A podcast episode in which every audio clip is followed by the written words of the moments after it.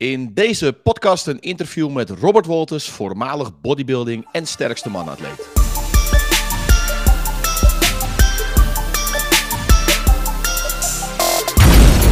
In deze podcast heb ik dus een gesprek met Robert Wolters, voormalig bodybuilding en sterkste manatleet. En hij is bovendien erg openhartig over zijn anabolengebruik. Maar voordat we beginnen, wil ik je vragen deze video of deze podcast even te liken, je te abonneren op het kanaal. Terug naar het gesprek. Nogmaals, het belooft een erg leuk gesprek. Ik ben erg benieuwd wat je ervan vindt. Heel veel succes. Enjoy. Wil jij sterker worden op squatten, bankdrukken en deadliften? www.strengthacademy.nl Robert Wolters, goedemiddag. Goedemiddag Jordi. Leuk dat, we nu, uh, ja, dat ik jou als derde gast in uh, mijn podcast mag verwelkomen. Uh, voormalig sterkste manatleet, wedstrijd bodybuilder, trainer. Ehm, ik denk dat we genoeg te bespreken hebben. Vast en zeker, ja. Vertel, wie ben je? Nou ja, mijn, mijn achtergrond is uh, dat ik um, vanaf dat ik 12, 13 jaar ben uh, al met gewichten train. En um, ik wou altijd groot en sterk worden. En als lange, dunne jongen uh, was dat lastig. Dus ik heb, ja, ik heb echt heel veel tijd en energie aan dat trainen besteed.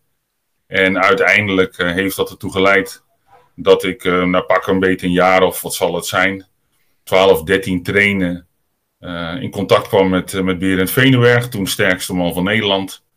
En in die tijd, die sterkste manwedstrijden werden georganiseerd door de AVRO. Dus dat betekent dat een omroep één keer per jaar gewoon uh, acht mensen bij elkaar riep. En hè, die, die, die oude garde van, van Gerard Dupri en Siem Wulfs. en uit die tijd ook Berend en Wout Zijlstra. Echt namen die, als je die sport een beetje volgt, wel, wel goed doorklinken. Was eigenlijk een switch van, van het organiseren door de AVRO naar het meer organiseren um, vanuit die, die club Sterke Mannen zelf. Dus er werden voorrondes georganiseerd, halve finales, een finale. En in dat systeem uiteindelijk ben ik mee gaan doen. En dat heeft ertoe geleid dat ik in 1999 voor het eerst uh, mezelf kwalificeerde voor de sterkste man van Nederland. En uh, even snel rekenen was ik, was ik 6, 27 jaar oud.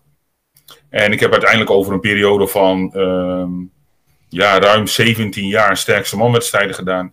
Ik heb mijn zes je, gaat, je, je, hebt een enorme vogelvlucht, maar het oh. begin is met jouw leeftijd. Hoe, oh, leeftijd, ja, ik ben 49. Leeftijd. Wie ben je, hoe oud ben je? Je zegt ik ben lang, hoe lang ben je? Ja, ja, ja, ja, ja. Oh ja, mijn stats natuurlijk. Het is al wel lang geleden dat ik serieus getraind heb. Ik ben 49 ja. en 1,93. En wat ik zei, groot en sterk worden is voor mij nu niet echt belangrijk meer. Dus ik denk dat ik 105, 106 kilo weeg. Maar ik heb wel zichtbare buikspieren. Ik ben nog wel in shape.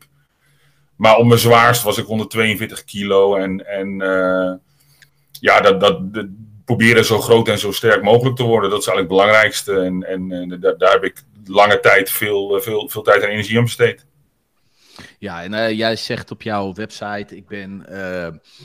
Uh, vader, vriend, ja. ondernemer, vlogger, blogger, auteur, bedenker van echte mannen diëten niet. Ja. Uh, ik mis twee belangrijke onderdelen. Dat is het strongman en het bodybuilding. Dat ja. lijkt me leuk om daar eventjes over te gaan hebben. Je hebt zelf al een ja. intro gegeven over, uh, over strongman. Ja. Dat is een lange periode geweest, hè? 93, 2016. Uh, hoe zou je dat een beetje samenvatten? Hoe, uh, hoe ben jij in die sport terechtgekomen? Ja, kijk, de samenvatting uh, voor mij is dat het, dat het echt uh, een fantastische periode was. En ik ben nog nooit zo gelukkig geweest als in de tijd dat ik serieus en hard kon trainen. Dan moet ik zeggen dat ik inmiddels alweer op een plek ben dat ik, dat ik dat op een andere manier ook realiseer. Maar dat trainen was echt, echt geweldig. En ik kan daar straks wat meer over vertellen. Maar ik had uiteindelijk ook gewoon een, een gym helemaal voor mezelf. 200 vierkante meter, helemaal ingericht. Welke gym was dat? Ja, Loods 2, mijn eigen sportschool. Uh, ik, ik ben... ik, ik, ik ik heb eigenlijk altijd wel uh, thuis kunnen trainen, omdat ik uh, lange tijd vrij groot woonde met een, met een uh, grote schuur. Dus daar heb ik spullen verzameld. Op een gegeven moment ben ik een sportschool begonnen, echt een grote sportschool, 1200 vierkante meter. In de hal daarnaast deed ik strongman. En toen ik die sportschool verkocht heb, toen heb ik een tijdje lang een ruimte gehuurd, 100 vierkante meter. En later een pandje gebouwd met iemand samen. En toen had ik 200 vierkante meter puur voor mezelf. En ik denk dat ik een jaar of twee, drie daar met vijf mensen heb getraind. En Ja. eh, in de loop van de jaren alle sterk- Allemaal, allemaal sterkste maanatleten. Nee, meer powerlifters eigenlijk. Die af en toe, ja, ja, die af en toe een, eh, een sterkste manwedstrijd deden. Ja. En in de loop van de jaren had ik alle onderdelen. Ik had 22 van die betonnen ballen. Ik had, ik had een power stairs. Ik had een Hercules hold. eh, ik had alle onderdelen die je bij de sterkste man van Nederland ziet, die had ik. Dus ik kon ook heel goed, heel specifiek trainen. En, en ja, dat was gewoon echt, laat maar zeggen, een klein walhalla wat ik, wat ik gerealiseerd had. Dus dat Ja, want jij zegt, ik- ik-. Jij zegt ik hou van serieus en hard trainen. Eh, Ja. Kun je dat eens omschrijven? Wat is dat voor jou, serieus en hard trainen? Nou, ik heb, ik heb ehm, toen ik begon met trainen, was het heel erg op, op, op bodybuilding georiënteerd. Dus, dus op het fysieke. Mhm. En ehm, ja, de, de, begin, jaren negentig, hè? Ja, is nou, nog wel eerder eigenlijk. Eigenlijk, eh, ik ben begonnen in, in eh, toen ik 12 was, dat was, was in 84, 85, 86. In die periode trainde ik al vijf, zes keer, soms zeven dagen in de week. Ja. Eh, dus gewoon middelbare schooltijd, omdat ik het trainen geweldig vond. En ik, dat was een tijd voor internet. Hè. Je kon naar de bibliotheek, er lagen twee boeken. een van Arnold Schwarzenegger en een van Franco Colombo. Dus je moest, je moest echt bodybuilding magazines kopen uit, eh, uit Amerika om iets te leren over trainen. En daar stonden artikelen in van Mike Mensner en oude artikelen van Arthur Jones. En die stonden allemaal een manier van trainen voor die kort en intensief was. Dus je traint hard en je traint kort. En ehm, zesvoudig Mr. Olympia, Dorian Yates, was daar ook een voorstander van. Dus Ja. eigenlijk ben ik daar een beetje door geïnspireerd geraakt. Weet je, van die generatie, die, die Ja. motiveren jou een beetje. ja, En, en dat was echt een, een tegenhanger van wat Schwarzenegger toen vertelde: dat je heel lang moest trainen, zes, zeven oefeningen per spiergroep, zeven setjes per spiergroep. Die, die trainde vier uur op een dag en die, Ja. ja. die Dorian Yates trainde vier keer per week drie kwartier. En ehm, dus dat kort en intensief trainen, dat, dat beviel me erg goed en ik werd daar ook sterker door, ik werd daar ook groter door. Dus dat is eigenlijk altijd wel de basis geweest van hoe ik trainde. En nog steeds ben ik in het trainen een minimalist. Ik doe het minimaal om optimaal rendement te halen, maar dat is eigenlijk veel minder dan de meeste mensen Maar dat denken. matcht niet met dat je zegt, ik hou van serieus en hard trainen. Serieus, hard trainen, hard trainen, is dat... eh, En, en minimalistisch, dat klinkt voor mij als twee tegenpolen. Nee, maar wat is hard trainen? Hè? Kijk, je kan sprinten voluit of je kan eh 10 kilometer hard lopen. Het is allebei hard. Ja. Maar je kan niet, eh, als een duurloopje een uur doet, je kan niet een uur lang sprinten. Dus Ja, hard, dus het zit er bij jou in wat korter, wat effectiever. exact. Dus, en Eh, uiteindelijk is het gewoon ook, ook een stukje wetenschap. Hè? Wat is er nodig? Ja, als je kijkt naar, naar strongman, hè, wat is er nodig om sterker te worden? En wat is dan de juiste dosering? Het is heel vaak als je naar training kijkt, een soort natte vingerwerk. Of het is, eh, laat maar zeggen, die heeft je dat geleerd. En dus doe je drie setjes. En eh, dat was voor mij niet voldoende. Het was voor mij niet voldoende om iets over te nemen van een ander. Ik wilde weten hoe wordt die spier sterker? Wat gebeurt er in je lichaam? En hoe kun je dat proces optimaliseren? En hoe kun je dan rekening houden met individuele verschillen? Want in het trainen met andere mensen kon ik echt zien dat andere gasten veel meer talent hadden dan ik. En ook veel makkelijker vooruitgang boekten. Terwijl ik gewoon echt moest werken. Ik moest echt werken voor iedere kilo. Ja, dus bij jou, bij jou zat minder talent, maar je werkt, je werkt gewoon hard. Ja, ik denk dat ik op een schaal van 0 tot 10 een zesje ben eh, als het gaat om kracht. En dat zeg ik niet eh, om, om mezelf te downplayen, maar ik heb met talenten gewerkt. En ik heb met talenten getraind. En, en ehm, ja, eh, jongens als Gert Gerrits die op een 21ste de sportschool binnenkomen en een setje bankdrukken met 140 kilo doen. Ik moest zes maanden trainen om 60 kilo te drukken. Dus weet je wel, ik, ik weet hoe talent eruit ziet. En eh, ik moest het hebben van, van hard trainen, maar ook van slim trainen. Want ja, de, zeven dagen per week, drie uur in de sportschool kan iedereen als je maar gek genoeg bent. Maar als je geen progressie boekt, dan werkt dat niet. En dus is het een kwestie van, van, van doseren en van gaan kijken, oké, wat werkt voor mijn lichaam? Logboekjes bijhouden, alles vastleggen, zoeken naar goede bronnen van informatie. En uiteindelijk is daar ook voor Strongman gewoon een trainingsfilosofie uitgekomen die ik ja, met succes wel, wel heb toegepast. Mijn beste jaar was Ja. 2009. En toen won ik de voorronde voor de sterkste man van Nederland. Ik won drie van de vijf onderdelen. En ze waren nog jong, maar Alex Monen en ehm, eh, de huidige sterkste man van Nederland, wiens naam mij altijd ontschiet. Maakt niet uit. Er waren nog jonge jongens toen, hè. ze waren nog beginners. Maar ehm, ja, die, die, die, die versloeg ik. Dus om maar te zeggen, ik- in die periode was ik wel sterk. Alleen, ehm, ja, mijn lichaam was toen eigenlijk wel, wel op. Het, het zware tillen en zo. Dat, dat, Kelvin de Ruiter, hè? Dat is, eh, Kelvin dat is bedoel ik, sorry. Ja. Kelvin. Ja, ja, ja, ja. ja, Ja. En ehm, nogmaals, ze waren toen uh, aan het begin van hun, hun carrière. We praten over 2009 en, en dat is lang geleden. Maar ik was toen wel, wel sterk. En, um, ja, maar ik, wil, ik, wil, ik wil even teruggaan naar 1993. Ja. Van jouw begin, van jou, laten we gewoon het, het eventjes in de volgorde van de. Van, hè, laten we de tijdlijn gewoon eventjes bewandelen. Want ik vind het ook leuk om weer over de huidige uh, strongman uh, speelveld te praten. Ik ben minder thuis in die sport. Dus jij, gaat, uh, jij gaat ons daar alles over vertellen. Ehm, hoe, is dat voor, hoe is dat voor jou gegaan? Je zegt, ik ben begonnen met bodybuilding. Mike Manson, Arnold Schwarzenegger. Een beetje gaan kijken welke van de verschillende filosofieën van die tijd passen bij mij. uiteindelijk ben je, ben je de sterkste man terechtgekomen. Vertel, hoe is dat een beetje gegaan? Nou, ik trainde uh, serieus en ik combineerde dat met, met studie. En, dus ik was, ik was wel sterk. En um, op een gegeven moment zag ik uh, in een lokaal krantje, ik woonde toen in Raalte, in het oosten van het land, in een lo lokaal krantje zag ik dat er een sterkste manwedstrijd werd georganiseerd in een dorp vlakbij waar ik woonde. En um, mm -hmm. ik heb toen helemaal niemand iets verteld, echt helemaal niemand. Ook mijn vriendin niet, mijn toenmalige vriendin. Ik ben gewoon op de fiets op zondagochtend naar dat dorp gegaan met mijn tas en wat drinken en uh, heb aan die wedstrijd meegedaan. En die wedstrijd die won ik. Het was maar een kleine wedstrijd. Het was eigenlijk meer ludiek tijdens een dorpsfeest. Maar ik ging er wel naartoe om te winnen. Maar het motiveert wel, je eerste wedstrijd winnen. Ja, want ik had ja, gelezen dat, dat Arnold Schwarzenegger zijn eerste bodybuilding wedstrijd won. En toen ja. dacht ik, oké, okay, als, ik, als ik een wedstrijd meedoe, mijn eerste, moet ik hem ook winnen. Dus ik was, ik was erop gebrand om te winnen. Ja. En uh, toen won ik en die, uh, er was een oranje vereniging die dat organiseerde. En die zeiden, we doen binnenkort in, in Middel, ook zo'n klein plaatsje in het oosten, uh, organiseren we ook een wedstrijd. Wil je dan niet meedoen? Want ze hadden altijd wel moeite om, om mensen te vinden die met die wedstrijden mee wilden doen. Dus daar, daar ben ik toen ook naartoe gegaan en die wedstrijd won ik ook. En uh, tijdens die wedstrijd was er een demo-team. En daar uh, was Berend Venenberg, toen sterkste man van Nederland, met er nog een paar andere gasten. En die deden eigenlijk gelijk aan die wedstrijd waar ik aan meedeed, deden ze hun demo-wedstrijd. Ja. En ik deed ook met die demo-onderdelen mee. En uh, Berend was uiteraard sterker, maar die andere jongens die met het demo-team meededen, ik versloeg hun ook. En dus toen, toen begon het bij mij ook een beetje te borrelen, dat ik dacht, fuck, dit is een spelletje wat ik, uh, wat ik misschien best wel goed kan. En, uh, Welke onderdelen deed jij op die wedstrijd? Het was vrachtwagen trekken. We hebben hooggooien gedaan, ik kan me nog herinneren. Volgens mij uh, hebben we... Hooggooien, leg dat eens uit. Het is meer Highland Games. dat was ja. een beetje hybride, dus gewicht... Zo'n rokje aan? Ja, nee, die wedstrijd niet. Maar dat, dat, de Highland Games is wel. Heb ik ook nog aan meegedaan. trouwens ook nog, ook nog NK en EK gedaan. En... Um, ja, het is gewoon een, een, gewicht. Ik denk dat, dat in de wedstrijden zijn ze 25 kilo, die gewichten. Uh, maar bij die wedstrijd zal het waarschijnlijk 15 of 20 zijn geweest. En die moet dan gewoon over een lat omhoog gegooid worden. Dit is een klassiek Highland Games onderdeel. Dat zat erin. Er zat iets van boomstamtillen in. Uh, ja, en vast nog iets. Maar we praten over daar, zo'n lange tijd. Had jij, daar had jij in die periode, had jij daar al voor getraind? Nee, nooit. Nee, nee, nee. nee.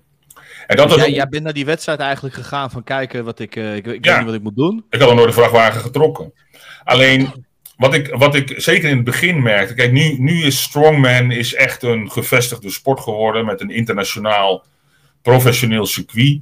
Maar in ja. die tijd was het, was het uh, um, wat zal ik zeggen, kratbier frikandellensport, weet je wel, een beetje dat. En ja. um, Waar ik goed in was, uh, als er nieuwe onderdelen waren die nog niemand had gedaan. Iedereen zat met elkaar te lullen en te ouwe hoeren. Maar ik ging aan de zijkant staan en ik ging gewoon de eerste drie, vier gasten die aan het werk waren bij dat onderdeel, die ging ik bekijken. Om te kijken wat gaat goed, wat gaat niet goed. Als je bijvoorbeeld vrachtwagentrekken hebt. Vrachtwagentrekken is altijd afhankelijk van het parcours. En er is geen enkele weg die Hoe lang is zo'n, hoe lang is zo'n parcours? Meest, meestal is dat uh, een goede 20 meter. Dat is fors. Ja, en. Wat uh, weegt zo'n vrachtwagen? Uh, dat, dat is heel erg wisselend. Het heeft te maken met uh, bandenspanning bijvoorbeeld. Ja. Of die vrachtwagen makkelijk trekt. Wat ze vaak doen bij zo'n wedstrijd is dan één keer een beurtje met iemand die niet meedoet. Om te kijken, is die zwaar genoeg? En is die dan niet zwaar genoeg, dan laten ze lucht uit de banden lopen. En dan wordt die vrachtwagen wordt zwaarder.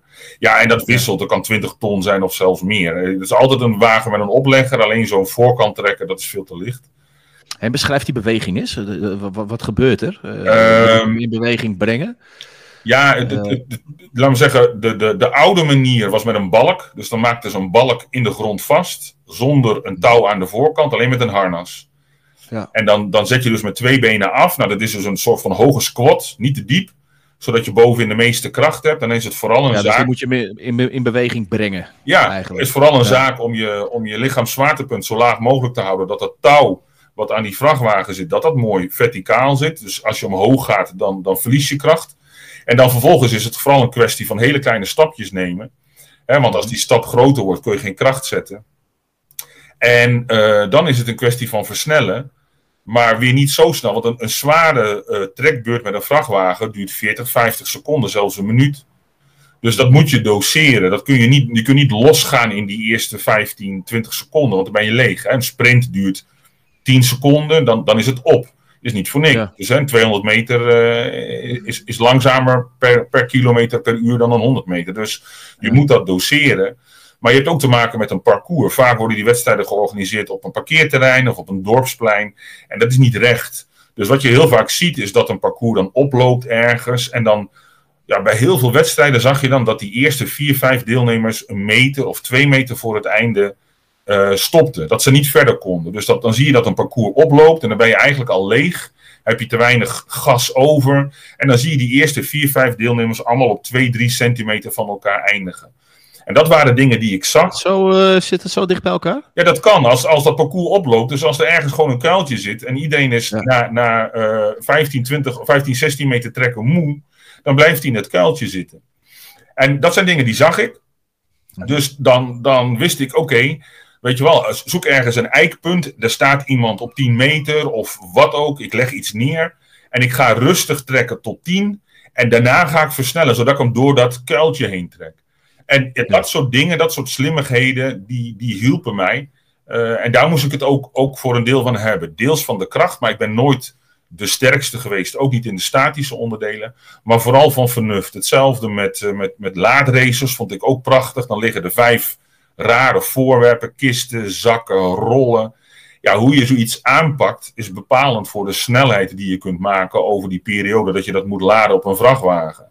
En dan, ja, als ik dan niet als eerste loten bij zo'n onderdeel, kon je gewoon drie, vier jongens aan het werk zien. En dan zag je ze kloten.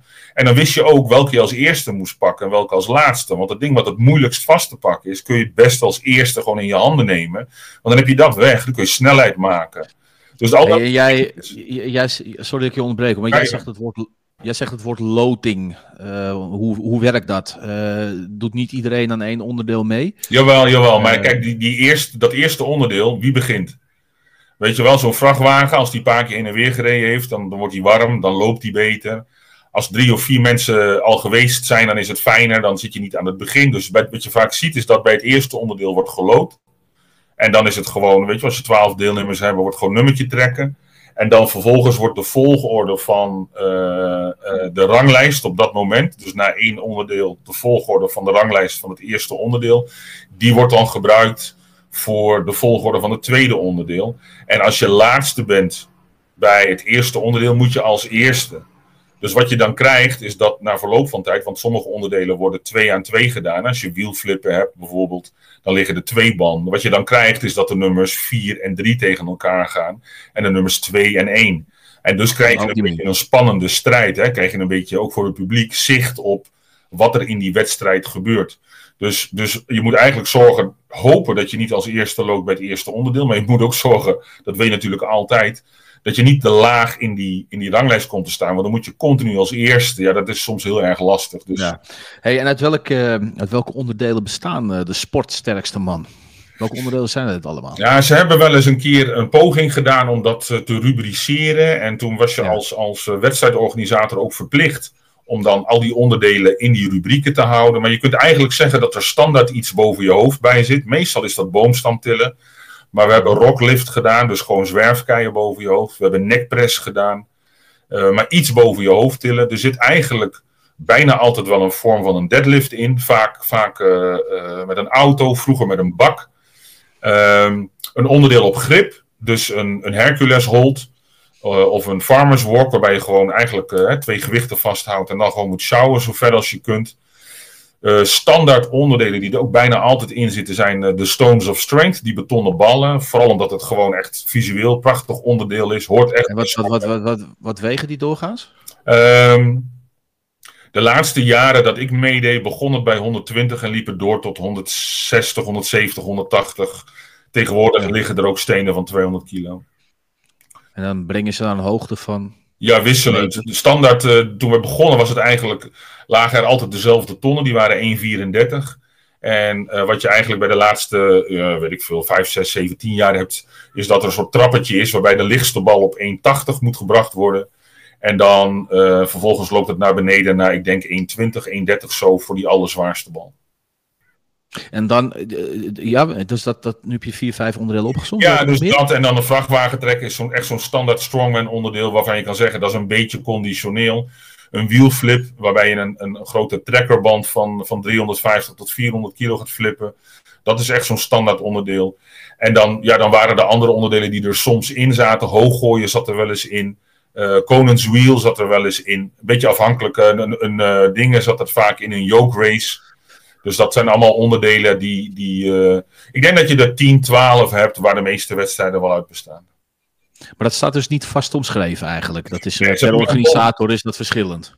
Ja, ze hebben, kijk, in het verleden was dat, laten we zeggen, dan volstrekte willekeur. Ja, en dan organiseerde iemand een wedstrijd en die was dan, er was dan een sportschool-eigenaar en die had dan een gozer die was sterk in zijn schouders. Er zaten er drie drie drukonderdelen boven het hoofd bij, zodat zijn mannetje kon winnen. Nou, daar hebben ze dan wel een beetje ondervangen, maar het, ja, het blijft gewoon in principe een vrije organisatie. Dus, dus er zijn een aantal hoofdgroepen, maar in het verleden hadden we een federatie en een reglement en wat allemaal nog meer. Maar het is nu gewoon um, volgens mij een commerciële club die het meeste organiseert. En het is deels liefdadigheid. Dus... Maar als dat, als dat niet vaststaat, hè, hoe weet je dan als uh, atleet naar een wedstrijd waar je aan toe bent? Nou ja, je mag hopen dat de organisator op tijd de onderdelen doorgeeft, zodat je daar uh, rekening mee kunt houden. En uh, daar is ook veel te doen over geweest. En de tijd dat ik meedeed, dat, dat de ene het wist twee maanden van tevoren en de andere twee weken. Dus dat is altijd zo'n zweem van oneerlijkheid zat daar doorheen. Um, ik heb zelf altijd, je, je, je, nogmaals, het zijn tien of twaalf onderdelen. Dus als je daar goed in bent, is het goed. Dus ik heb zelf altijd gedacht, zorg gewoon dat je alles traint. En, um... ja, hoe train je daarvoor? Je, je, je weet niet waar je aan toe bent, er zijn verschillende onderdelen. Ja. Um, nou, als ik in jouw verhaal hoor ik een beetje ook dat, je, dat, dat ook weer niet vaststaat wanneer dat bekendgemaakt moet worden. Dus dat zal de ene keer vroeg, de andere keer. Hoe train je? Hoe ziet jouw trainingsweek eruit na een wedstrijd? Uiteindelijk um, in het begin toen ik uh, trainde, trainde ik nog heel erg uh, uh, bodybuilding-stijl sportschooltraining. Dus ik ging drie keer per week trainen. En dat waren korte trainingen, weet je wel, borst en schouders, dat, dat, dat, dat waren gewoon drie of vier oefeningen. Maar wel zwaar. En in, in de tijd dat ik sterk was, echt sterk was, deed ik een setje zes schuindrukken met 140 kilo. zittende shoulder press, 110 voor een setje van acht. Uh, staande military press tot 150. Um, ehm, een deadlift in de sportschool uh, voor setjes met 250. Uh, squatten met 240, 250. En dan praat ik echt over de beginperiode. Dat ik dat, ik dat soort trainingen veel deed. En, en dan, maar dan deed ik ook pull-downs. Ik deed ook wel side races. Ik deed biceps en triceps. En dan op... Dus eigenlijk train je heel algemeen? Ja, vrij, vrij algemeen. En, um, ook compounds? Ja, compounds met een klein beetje isolatie erbij. En dan met een beetje oog ook voor hoe die fysiek eruit zag. En ik denk dat ik toen zo rond de 125 kilo woog. Maar ik had nog wel redelijke blokken in mijn buik. Ik was in goede shape. Mijn voeding was ook onder controle. Dus het, het fysieke stuk toen in die tijd, uh, eind jaren 90, was nog wel belangrijk voor me. En dan ging ik op zaterdag ging ik onderdelen trainen bij Berend. Dus dan reed ik naar Borculo. En ja, daar stonden dan de onderdelen die ook bij de sterkste man van Nederland gebruikt werden. En dan... Dus hij had een vrachtwagen, een vrachtwagen in de gym staan. En dan, Zoiets. Uh, ja, vrachtwagen, ja. inderdaad, naast de gym, dan zet iemand zo'n vrachtwagen neer. Dat was het meest lastige onderdeel. Maar alle andere dingen konden we eigenlijk wel trainen. En dan pakten we, zeg ik uit mijn hoofd, vier, soms vijf onderdelen. Dat waren lange trainingen van wel vijf uur. En dan, ja, dan deden we één of twee keer deden we zo'n onderdeel. En op die manier kon je je dan voorbereiden. En dat, dat heb ik lange tijd gedaan. Op een gegeven moment ehm, eh, ben, ik, ben ik zelf gaan trainen. En uiteindelijk was ik op mijn sterkst toen ik maar twee keer per week trainde. En het, het, laat maar zeggen, de, de halteroefeningen een beetje combineerde met onderdelen. En in de tijd dat ik bij Beren trainde, als we dan bijvoorbeeld een wielflip uh, trainden, in een wedstrijd moet je dat ding acht keer flippen. Dus dan gingen wij hem acht keer flippen en dan deden we nog een keer acht keer flippen met een half uur ertussen en dat was klaar. En toen ik zelf trainde en ik had die banden staan, dan deed ik bijvoorbeeld um, puur op de techniek drie flips. Um, en met wielflippen, het is niet alleen maar een krachtonderdeel. Je moet ook zorgen dat als je die band omgooit, dat je snel weer eronder bent. Als je loopt de oude hoeren en te zoeken naar die band, is iedere flip dat je zoekt is een seconde. Acht flips is acht seconden, dat is heel veel. Wacht even, ik probeer dat, dat even vol te halen. Een wielflip, je zegt als hij ligt, dan moet je hem zo snel mogelijk weer oppakken. Ja, dus je moet je voorstellen, je hebt een enorme tractorband van, van 350 kilo. En hij staat rechtop. En die eerste, die eerste flip krijg je cadeau, dus je pleurt dat ding op de grond. Dan ligt hij plat op de grond. Dan ligt hij, ja. Dan moet je hem optillen aan jouw kant en je moet hem over de kop gooien. Ja. En dat doe je acht keer. Ja. ja. dus daar ben je afhankelijk van hoe sterk je bent, ben je daar 30, 40 seconden mee bezig. Nou, met dat jij dat ding neergooit, moet je weer bukken om dat ding op te pakken. Er zitten allemaal blokken aan dat profiel. Je moet ergens die blokken vast hebben om grip te hebben. Want, want hoe pak je anders zo'n band vast? Ja, ja, ja, ik, ik snap hem. Nou, dus, dus omdat tijd een factor is, moet je zorgen dat als je dat ding neergooit, dat je snel weer onderop op de juiste plek staat om de goede blokken te pakken. Ja. Nou, als je daar niet op traint, en dus je, je traint alleen maar op ik ga acht keer, dan zie je op een gegeven moment dat dat ding scheef valt of uh, dat je die blokken net verkeerd pakt. En als je dat timed, al is dat een halve seconde per oppakken, vier keer een halve, of acht keer een halve seconde is vier seconden. Als je kijkt waar je een wielflip op wint, dan is dat één of twee seconden, soms zelfs nog minder. Dus er zit ook een hoop, hoop tactiek in ja. Uh, eigenlijk. En techniek. Ja, ja. ja. En, en, en dat waren dingen, dat, dat zit een beetje in mijn aard. Dat waren dingen waar ik dan op focuste. En dan dacht ik, oké, ik kan wel iedere keer acht doen. Maar laat ik nou eens drie doen. En dan focussen op zo snel mogelijk oppakken. En dan rust ik tien minuten, doe ik hem nog drie keer. Rust ik tien minuten, doe ik hem nog drie keer. Dan heb je drie knalharde flips. En op die manier werd ik uh, daar, daar beter in. En een andere training, dan maak je 10 flips. Maar dan ga je doseren, dus dat je die 10 flips kan maken. Waardoor je steeds efficiënter wordt in je techniek. Ja, dat je gewoon de, de, de power eigenlijk... Uh, ja, want dan word je efficiënter in je techniek. Wat je bijvoorbeeld bij de wielflips zag, dat iedereen tilde die band op. En die zette er dan één knie onder en dan pakten ze over. En ik zag uh, Sven Carlsen, sterkste man van Europa, ook aan de sterkste man van de wereld meedoen. Die zag ik zonder in welk jaartal? Sorry? In welk jaartal? Oh joh, allemaal in die periode, eind jaren 90. Ja, ja. Carlsen, wat die deed, die, die gooide hem als het ware omhoog. Bijna zoals een second, second pool in het gewichthef is. En, en ik heb me die techniek aangeleerd, want dan kun je veel sneller trekken. Alleen als je die techniek doet, dan moet je in die, in die onderste flip, als je hem van de grond aftrekt, moet je niet te hard van stapel lopen. Je moet wachten tot die band boven je knieën is en dan versnellen. Nou, al dat soort technische dingen, die deed ik in mijn training. En daar nam ik de tijd voor. Dus in plaats van, oké, ga gewoon acht keer flippen en doe nog acht keer en we gaan weer eh, een half uur oude hoeren. Uh, heb ik echt op die details gelet. En uiteindelijk in de laatste uh, voorronde die ik won, won ik ook die wielflip. Eh, dat ding was toen niet zo heel zwaar, 350 kilo. Maar dat was 22 seconden of zo. Dat was gewoon poef, als een spier, als een machine. En, en, en dus zo trainde ik dat. Ik trainde specifiek op die onderdelen en ik probeerde te kijken waarin ligt, laten we zeggen, de kern van dit onderdeel. En hoe kan ik dat op een optimale manier in mijn training verwerken, zodat ik, dat ik dit uh, ga winnen. En ik wist toen ik met die wedstrijd meedeed, die, die voorronde in 2009, er zat een deadlift op herhaling in, is niet een goed onderdeel. Er zat een boomstam op herhaling in. Kan, kon ik, maar ook niet een goed onderdeel. Maar ik wist, de trotpool, de wheelflip en de stones ga ik winnen. En die won ik ook. Um, jij zegt, ik trainde in die periode drie keer in de week eigenlijk een beetje allround. Laten we zeggen, ja, compounds uh, enzovoort. En dan één keer in de week ging je naar uh, Beren toe voor uh, onderdeeltraining. Dus dat, dat zal jouw week... Hoeveel... Hè? Dus, dus zo zag jouw week er een beetje uit. Ja. Dan neem ik aan op de drie andere dagen dat je eigenlijk rust had. Ja. Um, hoeveel wedstrijden deed je in het jaar? Oh, niet veel. Niet veel. Ik denk uh, het meeste ooit in één jaar drie. En, En dat is ook wat de gemiddelde strongman-atleet doet? weet ik niet. Eh, Van Kelvin weet ik dat hij in het begin volgens mij iedere wedstrijd deed die er was. Maar ehm, vaak, kom je op vaak- hoeveel? Sorry? En dan kom je op hoeveel als je iedere wedstrijd Oh, ik denk dat als je in die tijd, toen het veel georganiseerd werd, dat je wel, wel 7, 8, 9 wedstrijden kunt doen in een jaar. Dat is fors. Ja. Want hoe, hoe, hoe periodiseer je dan? Hoe kies je je piek en je, je, je, je, je, je off-season momenten uit eigenlijk? Bij mij was het zeker, zeker in het begin vrij radicaal. Ik begon eigenlijk, ik heb echt periodes gehad dat ik gewoon een half jaar niet trainde. En dan, dan kwam het seizoen eraan en dan ergens in december, januari ging ik trainen. En dan waren die voorrondes waren in maart, april, mei. Nou, dat, dat was ik net op tijd om het te plaatsen. En dan in augustus, september. Nee, in augustus was dan vaak de sterkste man van Nederland. En dan was ik wel sterk. Later, eh, in die periode, in de tweede helft van, van 2000, toen ben ik eigenlijk ehm, gewoon continu gaan trainen. En die Ja. trainingsfrequentie ook teruggeschroefd. En toen was ik eigenlijk altijd sterk. Daar, daar komt het eigenlijk op neer. Dus ik heb niet echt geperiodiseerd. Die hele trainingsperiode, die hele filosofie was gebaseerd op, op eh, Westside powerliften. Op, op, laat maar zeggen, dat systeem van denken. En ehm, dan Kun je dat eens uitleggen, wat Westside Powerliften is en wat dat, dat systeem van denken is? Kijk, powerlift is een jonge sport, hè? relatief jong. Jaren 70 in de VS.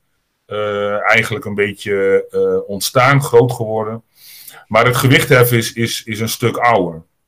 En Mhm. met name in die Sovjet-tijd, eh, toen was, was sport was een manier ook voor die, voor die Russen om zich te profileren als superieur ten opzichte van het Westen. En die, die Sovjets die deden dat door heel systematisch te werk te gaan. Dus die trainers waren opgeleid in het Sovjet-systeem.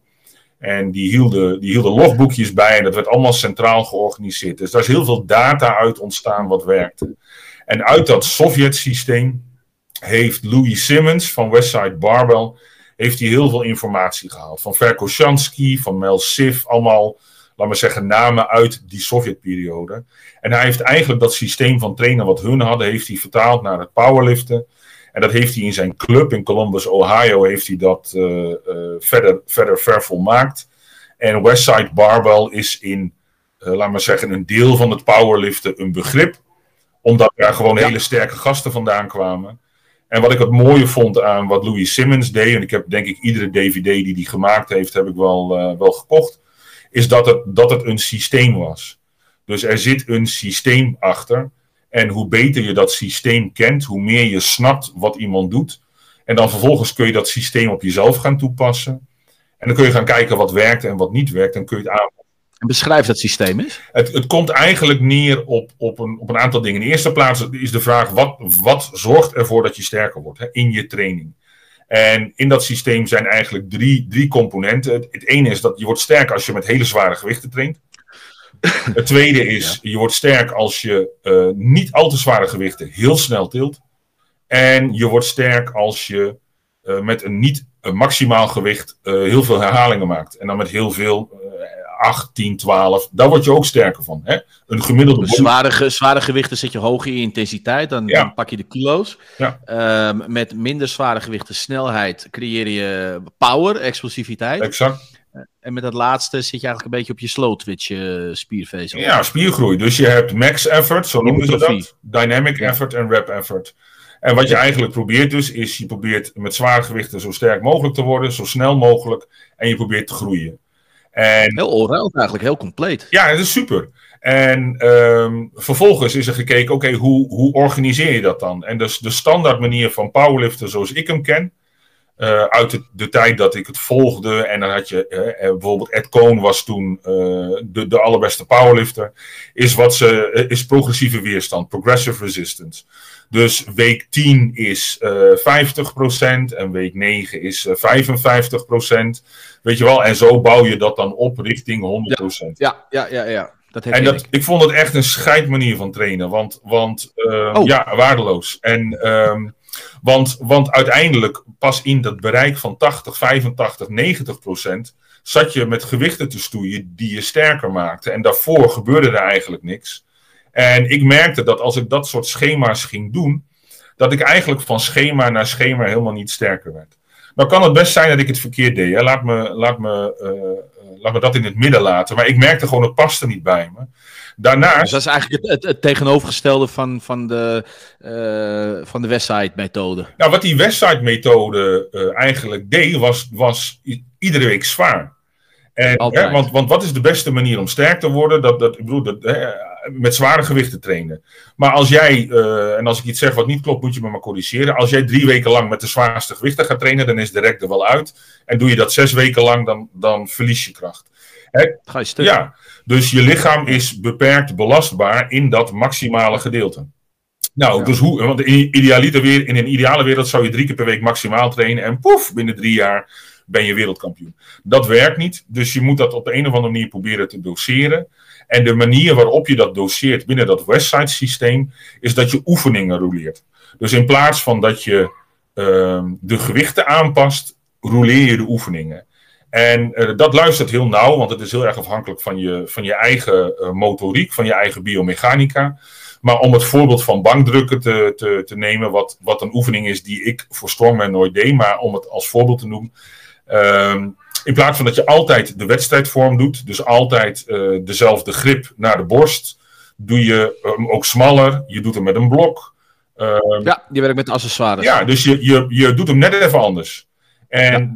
dan is het, dat luistert natuurlijk heel erg nauw, want het heeft geen zin om, om uh, hè, als jouw lockout heel slecht is, dan is het zinvol om een flink blok te gebruiken, zodat die lockout uh, belast wordt. Dus je kunt het heel individualiseren. Maar de hele gedachte is dat je oefeningen roleert, maar wel iedere week maximaal gaat. En dat is dan maximaal tussen de 1 en de 3 herhalingen. Maar ook op je oefeningen? Want nee, nee, nee, nee, voor één oefening. Eén oefening. Ja. He, dus als je, als je een powerlifter bent, en ik heb powerlifters getraind, dan ga je maxen op je bench. Maar dat is niet de reguliere bench, dat is één handgrip naar binnen. En als je een zwaar drietje ja. doet, is het genoeg. Het hoeft niet naar één. De, de week daarop doe je een twee blok of een drie blok. Uh, de week daarop doe je een pauzepress. En soms kun je twee, drie weken dezelfde oefening doen, maar het idee is dat je hem roleert. En uh, dus je hebt één zware week waarin je één oefening maximaal gaat. En hetzelfde geldt voor de squat en de deadlift.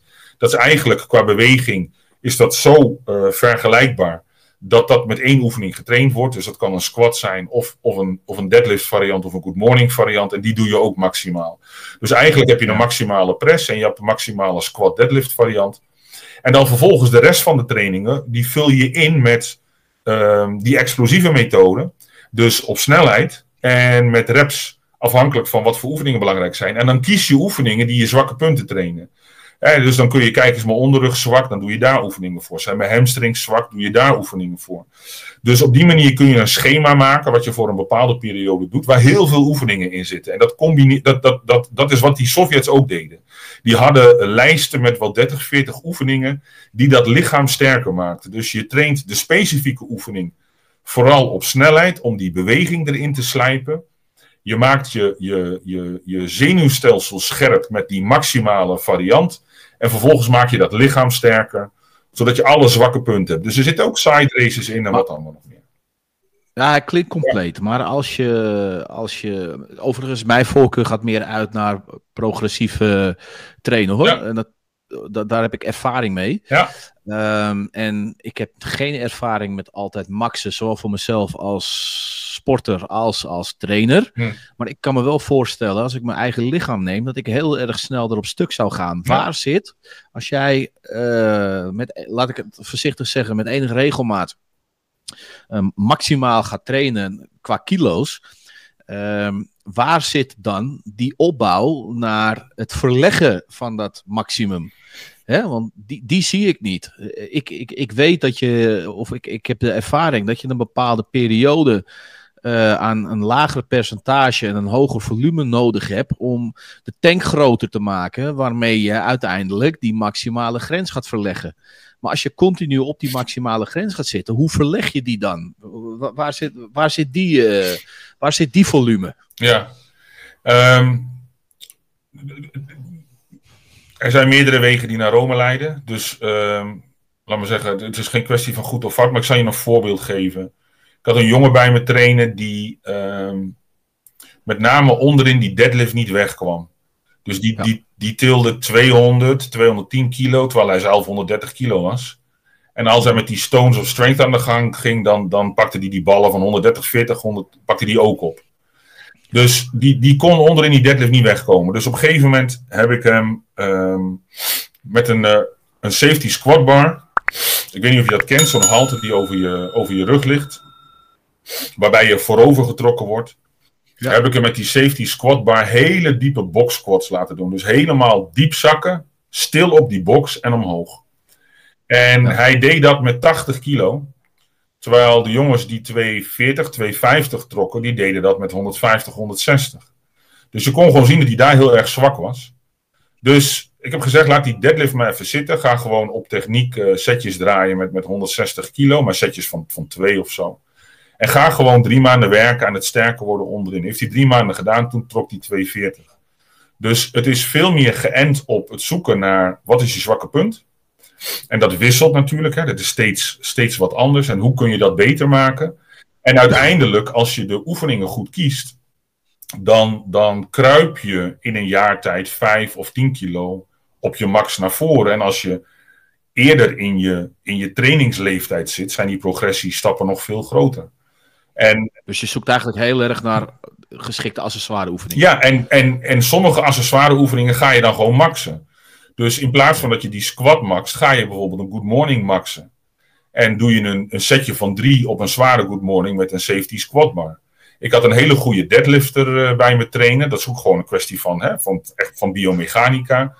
Maar die jongen trok uiteindelijk 330. Uh, eh, gewoon met een riempje. Maar die deed een uh, safety bar good morning met 190 kilo. En, en dan op de navel. Hè? Dus we leggen hem dood in het rek op de navel. En dan vervolgens met je kop eronder. En die rug bleef nog recht. Dus, dus je kunt dat lichaam sterker maken. En dan vervolgens moet je dat in die oefening leggen. Nou, die oefening blijf je trainen, maar je traint hem niet zwaar, je traint hem licht. Dus daar zit wel volume in. Want je doet bij een squat 12 setjes van 3, dus dat zijn 24 reps. Dus er zit wel volume in het systeem. Maar uiteindelijk word je sterker door zwaar te tillen, dus dat doe je. En je kijkt waar ligt mijn zwakke punt, dus je moet een geoefend oog hebben. Of zelf goed snappen wat er met je lichaam aan de hand is. Om te kijken, oké, dit is nu zwak. Dus hier ga ik de komende tijd aan werken. En als die assistance oefeningen omhoog gaan, gaat jouw max in de primaire lifts gaat ook omhoog. En, en dat is een beetje hoe het systeem in elkaar zit. Ja, ja. ja dus dat is, dat is jouw powerlift ervaring eigenlijk. Alleen maar, ik ben geen powerlifter, maar dat is in het trainen van Nee, want daar, daar dus naartoe is. Maar ik heb het ook in mijn strongman natuurlijk uh, gebruikt. Ja, ja dat, daar wil ik naartoe. Is dat een basis voor jou geweest? Ja. Uh, of, of een basis? Gewoon eigenlijk de rode draad van jouw hele trainingsopbouw uh, geweest? Ja, vooral in het tweede deel. Dus ik, ik, ik ben, laat maar zeggen, met, dat, met dat sportschool trainen en één keer per week onderdelen ben ik doorgegaan toen merkte ik dat ik tegen een plafond aan zat. Toen ben ik echt gaan zoeken van oké, wat, wat is nou een goede manier van trainen voor mij? Toen kwam ik op dat Westside stuk uit. En dat heb ik uiteindelijk uh, een beetje vertaald naar uh, Strongman.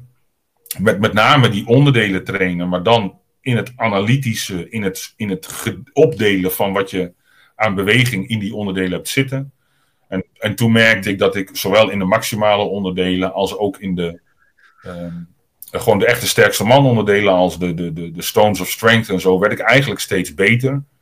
En um, wat ik zei, 2009 denk ik was mijn beste jaar. Alleen, ja, toen, toen deed ik het al 16, 17 jaar en, en een blessure hield me uit de finale. En eigenlijk was het toen klaar. Ik heb in 2010 nog één wedstrijd gedaan. Maar de ene kant van mijn rug was helemaal spier ontwikkeld en de andere kant was bijna helemaal geatrofieerd door alle scolioses in mijn rug en wat nog meer. Dus dat lichaam, dat lichaam had er geen zin meer in. Hey, en um, hoeveel, noem van alle onderdelen gedurende jouw strongman carrière eens op wat jouw maximale prestaties zijn geweest.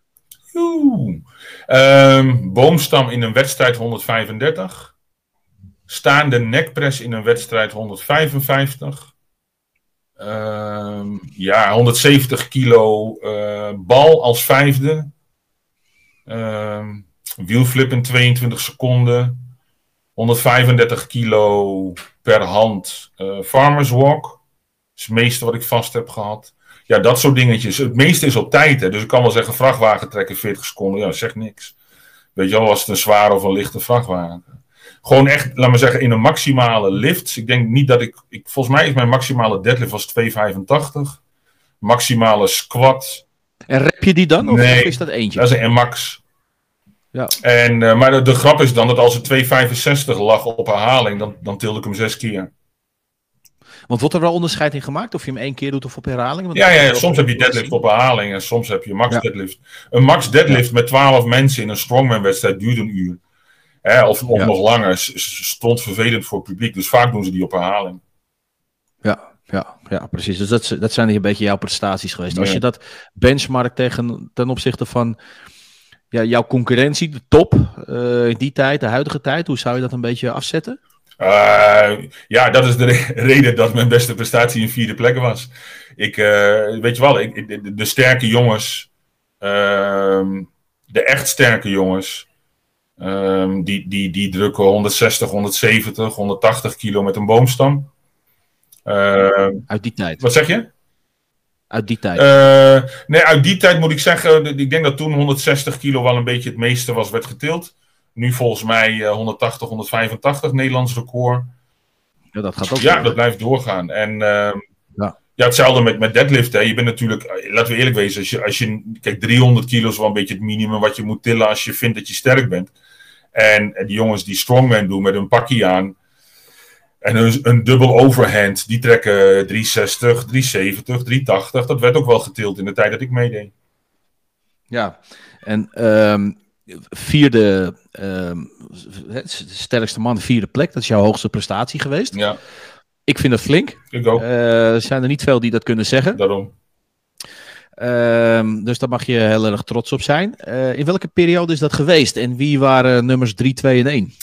Dat is ook wel aardig. Ik zat wel in een periode. Ik had, in dat opzicht had ik het, had ik het uh, uh, beter kunnen uitkiezen. Maar uh, ik deed mee in de tijd dat Berend Venenberg meedeed. Zevenvoudig sterkste man van Nederland. Ik deed mee dat Jarno Hams meedeed. Zevenvoudig sterkste man van Nederland. Ik deed mee in de tijd dat Peter Baltus meedeed. Sterkste man van Nederland. Dus wij, wij hadden sterke jongens in dat veld. Sjaak Ruska heeft de wedstrijd nooit gewonnen. Maar dat was ook echt een sterke gast. En um, er is toen een periode geweest waarin het wat luwde. En, en toen deed ik al niet meer mee. Nu, nu heb je ook wel een aantal jongens die gewoon wel gevestigd zijn. Het is een opkomst, hè, die sport. Ja, het blijft, het blijft een, populair. Ja, het blijft, dat is het eigenlijk al. Het blijft een populaire sport. En wat ik zei, er is internationaal gewoon een profcircuit. Er zijn gasten die de hele wereld overreizen. En die uh, hun brood verdienen met, met strongman. En, uh, want want uh, iemand als Eddie Hall, hè, en, uh, is, is dat een beetje in dezelfde, zitten die in dezelfde sport? Of, of zijn dat andere sporttakken? Of nee, is het dat, is, dat is dat is strongman weer. Dat is allemaal, allemaal strongman. Hè. Hoe actief die ja. nu is, daar volgens mij een stukje minder, want hij moet gaan boksen. Maar ehm, nee, dat, dat is allemaal hetzelfde. Alleen het is van een, van een later tijdstip en natuurlijk van een andere orde. Hè. Een, een Eddie Hall is, is uh, 1 in 1 miljard qua uh, aanleg. Um, dus je ziet ook dat omdat die sport een steeds hoger profiel krijgt. En in de tijd dat de Afro het deed, waren allemaal powerlifters. waren allemaal jongens die uit het powerliften kwamen, die dan één keer per jaar die wedstrijd deden. En eigenlijk met Jarno, die voor het eerst meedeed in 1999, dat ik ook, ook mijn eerste wedstrijd deed. Jarno was geen powerlifter. Jarno was gewoon een specialist in strongman. Hij heeft nooit een powerlift wedstrijd gedaan. Dat was, dat, dat was een echte authentieke strongman. Ja, dat is eigenlijk de, de, de eerste die het strongman doet, puur en alleen voor strongman. En ook uh, Alex Monen en Kelvin de Ruiter zijn geen powerlifters meer. Dat zijn strongmen. Dus die zijn van jongs af aan zijn ze onderdelen gaan trainen. En dat zie je eigenlijk bij, bij al die gasten die, die goed zijn. Dat zijn vooral uh, specialisten in strongman. Dus die zijn van jongs af aan met die onderdelen gaan trainen. En hebben zich daarin ontwikkeld. En natuurlijk zijn ze ook sterk in uh, een deadlift en een, en een squat. En sommigen zijn ook sterk in bankdrukken. Maar ik weet niet of jij veel overhead presses doet als... Uh, als, als... Nee, nooit. Nee, precies. Dus, dus die overhead press werkt niet voor een bank. En voor een strongman werkt een bank niet zo goed. Want je wordt gewoon te stijf in die borstspieren. Waardoor je niet meer lekker soepel bent in het overhead pressen. Dus een close, close grip, een small bankdrukken deed ik wel. Maar bankdrukken zelf nauwelijks omdat het gewoon. Dat is mijn specialiteit. Ja, dat is gewoon precies een, dat is een ander spelletje. En, ja. Ehm, dus dat zie je eigenlijk, dat het specialisten zijn geworden. En, en daarmee is die sport ook steeds verder gekomen. Dus die sporten zich eigenlijk los gaan trekken van powerliften. Ja. En, en eigenlijk een beetje zelfstandig doorgegaan. Ja. waarbij atleten zich daar gewoon vol op zijn gaan richten. Ja, en, en omdat die sport een hoog profiel heeft gekregen en er geld mee te verdienen is, niet zozeer met de wedstrijden alleen, maar als je wedstrijden organiseert en je hebt een miljoenen publiek wereldwijd, ja, dan komen die atleten ook in, in, in aanmerking voor sponsorships en zo. En Eddie Hall is gewoon miljonair geworden met, uh, met wat hij allemaal aan het doen is. Als je zijn huis ziet, dat is gigantisch. Ja, hoe zit het met de Nederlandse aanwas naar een internationaal podium? Ja, we hebben wel goede connecties, hè, want Marcel Mostert organiseert veel wedstrijden en een Berend is ook internationaal scheidsrechter. En, dus we hebben goede connecties, maar het is natuurlijk wel afhankelijk van hoe sterk je bent. Maar Kelvin, eh, voor zover ik het zie, en dat is ook alleen maar op afstand van wat ik op Facebook zie, ja, die doet wel uh, echt goed mee internationaal. Hè? Meervoudig wereldkampioen vrachtwagen trekken, wordt ook uitgenodigd voor, uh, voor andere wedstrijden. Dus ja, dat, dat, dat, dat, dat is een jongen die um, het in zich heeft volgens mij om op dat niveau mee te draaien. En hij is er ook op gebrand. Ik zag dat hij inmiddels 170 kilo weegt. Dat zie je ook eigenlijk bij die, bij die strongmen allemaal. Zitten allemaal 170, 180 kilo. Zijn zwaar, zwaar en toch nog atletisch. Dus het is wel een special breed aan het worden. En ja, van een, van een ander kaliber uh, inmiddels. Ja, ja, interessant man, dat, dat het zo doorontwikkelt. Ik, ik, ik, hoor ook wel veel uit de powerlifting hoor, van, uh, dat, uh, dat, dat er interesse is in, in strongman. Ja. Um, en jouw eigen carrière, hè? dus, dus, dus het, is, het, is, ik, het is een duidelijke beschrijving wat je geeft. Ik heb het goed voor, ik heb een goed beeld en een goede tijdlijn van, van wat, je, wat je geeft. Jij ja. bent uiteindelijk, ben je vierde geworden in de, de periode van Jarno Hams eigenlijk. Hè? Dus Um, jouw carrière heeft tot 2010 geduurd. Nu ben ik in aanloop naar deze, hè, naar, naar, deze podcast. Wat ik dan doe is uh, wat, wat, wat, wat voorbereiding. Dan ga ik googlen en dan kwam ik de anabole vlog kwam ik tegen. Uh, zeven tips om veilig te kuren. Zomaar. Ehm, ik zeg zomaar. Ja, ik maak in een een, een switch. Ja. Um, ja, vertel, vertel, je, hebt, je hebt vooraf tegen mij heb jij gezegd, joh, moet je luisteren, dat, dat, dat topic is voor mij geen uh, no-go, daar wil ik het ook graag over hebben. Um, en inderdaad, uh, in, het, in, het, uh, in het uitzoeken kwam ik dat tegen. Vertel, hoe, hoe zit dat? Ik, uh, even een stapje terug. Ik heb in 2010 mijn laatste strongman-wedstrijd gedaan.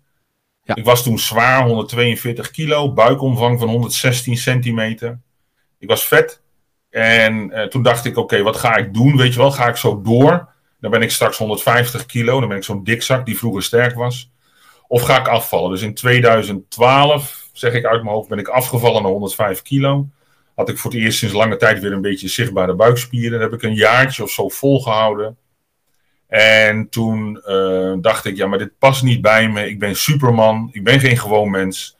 Dus toen ben ik weer gaan bodybuilden. Eigenlijk uh, datgene waar ik uh, mee begonnen was. Hè. Ik ben geïnspireerd geraakt, zoals zoveel, door, door Stallone en door, door Conan the Barbarian en wat allemaal nog meer. Dus ik ben weer gaan bodybuilden. En uh, ook weer op dezelfde analytische manier als ik met Strongman bezig was. Dus niet gewoon doe maar wat, maar kijken wat werkt en wat werkt niet. En, dus eigenlijk gewoon weer helemaal terug ja, naar het begin. Dus, dus helemaal terug naar het begin. En um, vanuit het idee, ik ga gewoon kijken hoe ver ik kom. En um, onderdeel van, van het uitzoeken en onderdeel van het, uh, mijn lichaam naar de ultieme uh, fysiek brengen, was het gebruik van, van anabole steroïden en alles wat daarbij hoort. Was dat de eerste keer? Nee, nee, ik ben daarin in. Uh, ik ben op mijn 21ste voor het eerst begonnen daarmee. Dus ik heb, Ook al in je strongman. Ja, ja. En uh, dus ik heb eigenlijk op en af over een periode van 23 jaar heb ik dat gebruikt. Maar soms weet je wel, um, een kuur van 12 weken en dan twee jaar niks. Maar hoe, hoe is de, als je dat doet in, die, in het beoefenen van die sport, hoe is de controle daarop? Niet. Is die er? Nee, is niet. er niet. vrij. Uh, Oké, okay. en, en is, dat, is dat iets wat, wat, wat gebruikelijk was uh, in, in die sport? Of toch gebruikelijk is in die sport? Weet je, dat is altijd lastig, want dan moet je iets gaan zeggen over andere mensen. Ja, en uh, laat ik zeggen dat het voor mij zeker is dat ik niet de enige was. Um, genoeg. Wat zeg je? Dat is genoeg. Ja, vind ik ook. En, en ja. um, alleen de grap was dat als je puur kijkt naar kracht, dat mijn ervaring was dat met en zonder scheelde 10%. Dus ik heb ook gewoon zonder wedstrijden gedaan. En het is gewoon 10%. En 10% in een wedstrijd is veel. Dus die, die, die, dat wil je niet weggeven. Maar het is nooit zo belangrijk geweest uh, in strongman als dat het was voor hoe je eruit ziet. De fysieke impact ervan is veel groter dan 10%. Dat is 200, 300%. En, en daarbij doel je dus op het, het, het gespierder eruit zien. Ja, en, en eh, dus het droog kunnen worden, het kunnen diëten, maar ook gewoon de volheid van je spieren. Wanneer je laag in je calorieën zit en het kunnen vasthouden van spiermassa in een dieetperiode. Maar ook gewoon het kunnen groeien. Hè. Op, mijn, op mijn zwaarst, in mijn bodybuildingperiode, was ik 125 kilo, maar ik had, ik had echt afgetekende buikspieren. Het was, ik, ik ben gewend dat ik was gewend dat mensen naar mij keken in mijn strongman tijd. Want als je 138, 140 kilo weegt bij een lengte van 1,93, dan kijken mensen. Maar ehm, dat, dat waren af en toe wat blikken. Maar toen ik uh, op, me, op mijn grootst was in het bodybuilden. En die schouders ook, iedereen keek. Ik liep met mijn vriendin door Rome en iedereen staarde me aan. Ook in de stad in Almere. Is dat, dan, is dat voor jou belangrijk? Is dat een belangrijke bevestiging? Nee, en, en, en sowieso uh, niet belangrijk, maar je merkt op een gegeven moment dat mensen naar je gaan kijken. dus wanneer je mijn lengte hebt en je hebt dat volume, zie je dat mensen kijken. En in het begin word je daar dan soort van zenuwachtig en onzeker van. Want je denkt, wat de fuck moet je naar mij kijken? Wat is er? En dan, en dan op een gegeven moment snap je dat je uh, uh, zo uit de norm valt, dat mensen gewoon denken, wat de fuck is dat? En toen dacht ik, oh mooi. Want dat is dan een bevestiging dat ik uh, die grote sterke vent ben die ik altijd wilde zijn. Dus ik vond dat wel leuk. Alleen ik merkte gewoon dat in mijn strongman tijd keken mensen. Maar in mijn bodybuilding tijd staarden mensen mij aan. En dan hoorde ik achter mijn rug om, ah, dat is gewoon niet mooi meer. Weet je wel, dat, dat soort commentaar. Nou, dat is natuurlijk het grootste compliment wat je kunt hebben. Want je wil ook niet mooi zijn, je wil gewoon een beest zijn. Dat had ik in mijn hoofd. Ik wil de ultieme bodybuilder zijn. Dus in die tijd is dat gebruik is geïntensiveerd. Heb ik me er nog meer in verdiept, want dat is ook weer iets, dat zit gewoon in me als ik iets doe, wil ik het weten. Dus ik heb me verdiept in, in wat is het, hoe werkt het, maar ik heb me ook verdiept in hoe maak je het. Ja, dus, dus ik wist eigenlijk uh, uh, precies uh, hoe alles werkt. En ja, heb, heb in die laatste periode, ik denk een jaar of drie, vier non-stop gebruikt. Dus ben ik niet meer off gegaan. Dus niet meer kuren, wel niet. Wat is de, wat is de reden om dat, dat, dat te doen? Is dat, is dat iets wat destijds gewoon heel gewoon was? Heb je dat overwogen? Uh, is dat, is dat een, een, een stap geweest of juist heel normaal? Hoe, hoe, neem eens mee. Het is eigenlijk, als je, het is, het is, voor mij is het heel erg simpel. Uh, je hebt uh, van moeder natuur heb je wat meegekregen. En je kunt door training en voeding naar die grens toewerken wat moeder natuur of onze lieve heer, afhankelijk van wie je aanhangt, voor jou bedacht heeft. Is dat genoeg voor je? Perfect. Is dat niet genoeg voor je? Wat kun je dan doen om de volgende stap te nemen? En als je kijkt naar bodybuilden, het hele ontstaan van anabole steroïden in de, jaar van de, in de jaren 50 van de vorige eeuw houdt gelijke tred met gewichtheffen en bodybuilden. Dus, dus hè, dat is ontwikkeld, het eerste anabole steroïd, metandrostenolon, is ontwikkeld door de sportarts van de Amerikaanse uh, gewichthefploeg. Die zag dat die Sovjets die Amerikanen met de grond gelijk maakten, maar die Sovjets zaten allemaal aan de testosteron. En hij dacht, ik moet iets hebben wat makkelijker te gebruiken is en wat minder bijwerkingen geeft. Dus zo zijn anabole steroïden ontstaan. En pas later is er een medische toepassing gevonden. Dus verweven met die krachtsport in alle lagen zit dat uh, idee dat je met een pil of een spuit verder komt dan uh, wat je natuurlijk kan. En als je genoegen neemt met wat moeder natuur voor je bedacht heeft, is het goed. Maar mijn mindset was dat ik verder wilde komen. En dat ik uh, de grens wilde verleggen. En ja, met dat spul lukt dat. Um, was je je bewust van gezondheid? Natuurlijk, altijd. Um, maar dat was voor jou een aanvaardbaar... Ja, ja, ja. Ik, dat was voor mij de uitruil. En uh, in die tijd, ik, ik, denk daar nu wel anders over voor mij persoonlijk. Maar in die tijd, uh, zeker op het laatst, dacht ik, weet je, um, ik ga all in. Uh, wat er gebeurt, gebeurt er. Maar ik, ik wil dit pad tot uh, zover als ik het kan, wil ik bewandelen. En ik heb altijd geprobeerd om de balans te houden tussen uh, wat je doet aan de ene kant en de risico's aan de andere kant. Dus ik heb nooit mega gedoseerd of, of hele gekke dingen gedaan in dat kader. Maar ik denk wel dat ik qua gezondheid echt de grens heb opgezocht. En wat met name een punt is, is als je dat over een lange periode doet, in mijn geval bestrijkt dat een periode van 23 jaar, dan stapelt zich het wel op. En dat stapelt zich op niet aan de buitenkant, je kunt dat niet zien, maar wel aan de binnenkant.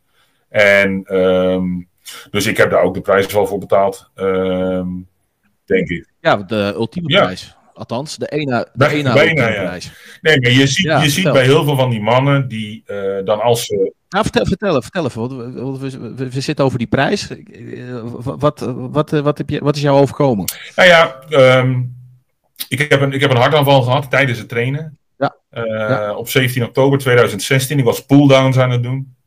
En ik weet dat ik met de vierde set bezig was en toen ging het licht uit. Later werd duidelijk dat ik een, een hartritmestoornis had, waardoor mijn hart niet meer uh, klopte. Ik ben gereanimeerd, mm -hmm. uh, ter plekke twee klappen gehad van een AED. Vijf dagen later geopereerd aan mijn hart. Inmiddels draag ik een ICD, een, een, een defibrillator onder mijn huid. Omdat die hartritmestoornis, die kan nog een keer voorkomen. En uh, ja, als dat gebeurt en niemand is in de buurt om je te reanimeren, dan ga je alsnog de pijp uit. En uh, dat zou zonde zijn. Dus, nu... dus uh, die, die ICD is een soort airbag, een soort uh, verzekering. Maar nu is het heel, nu is het heel makkelijk, want ik, ik vind dat ja, ja. ik vind dat flink. Het kan ons allemaal, het kan mij ook gebeuren nu. Um, het is ook makkelijk om te zeggen dat komt door, door gebruik, maar je kan dat ook niet uitsluiten. Nee. als jij weet wat je nu weet, zou je dan diezelfde keuzes hebben gemaakt? Ja, toch wel? Ja, ik, ik heb daar wel over nagedacht. En uh, kijk, het is heel makkelijk om met de wijsheid van nu te zeggen: Oh, ik had het allemaal anders gedaan.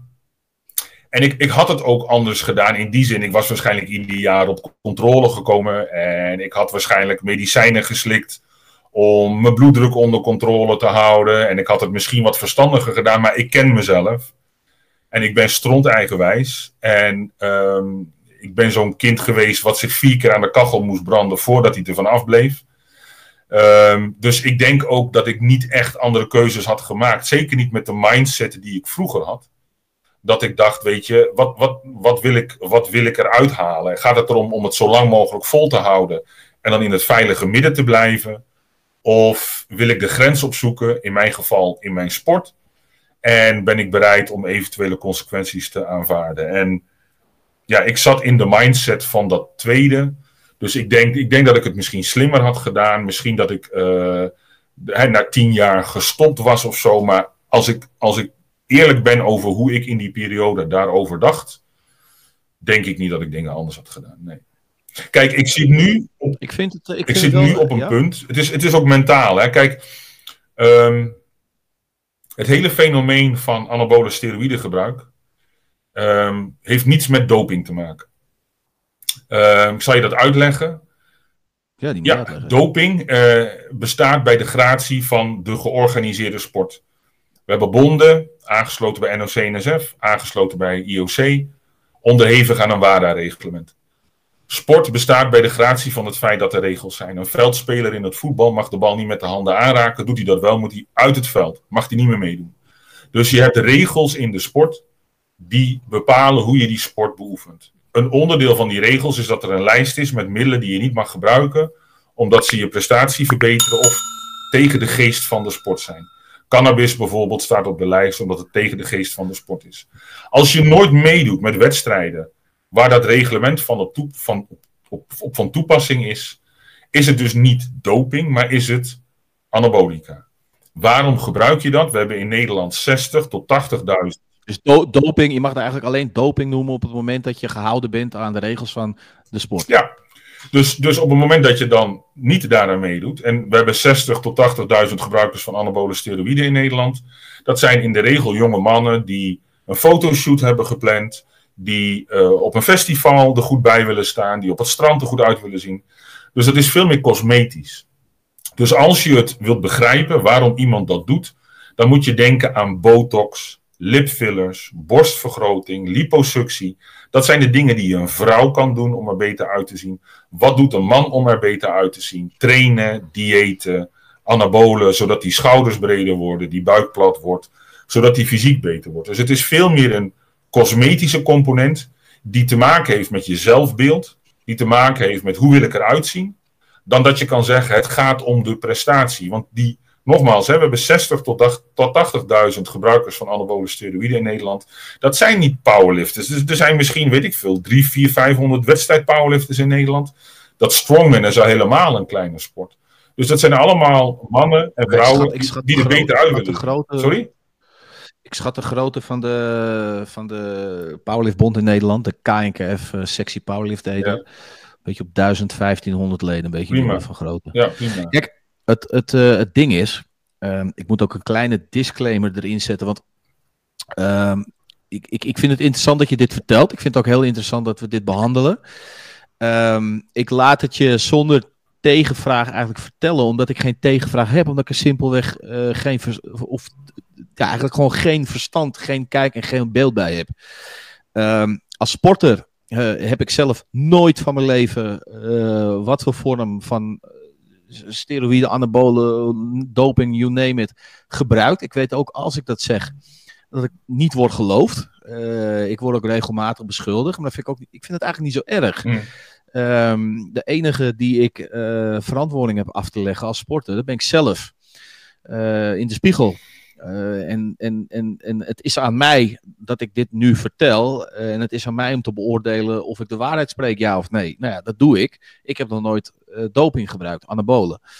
Um, als sporter, ik ben met Strength Academy, mijn gym, aangesloten bij de KNKF. En ook wat ik ieder individu uh, die bij mij traint leer, is doe het niet. Uh, en raak ook niet in de verleiding uh, en begin er niet aan, omdat het je gezondheid gewoon niet waard is. Mm. Um, dat, dat is wel wat ik aanhang. En ik ben in dat kader tegen doping. Ik vind aan de andere kant zou je er ook argumenten kunnen verzinnen om het te legaliseren, zodat je het ook kunt controleren. Maar daar ja, dat, dat, dat kan ik ook niet, niet heel lang vasthouden, omdat ik er gewoon ja, niet, niet voldoende of geen verstand van heb.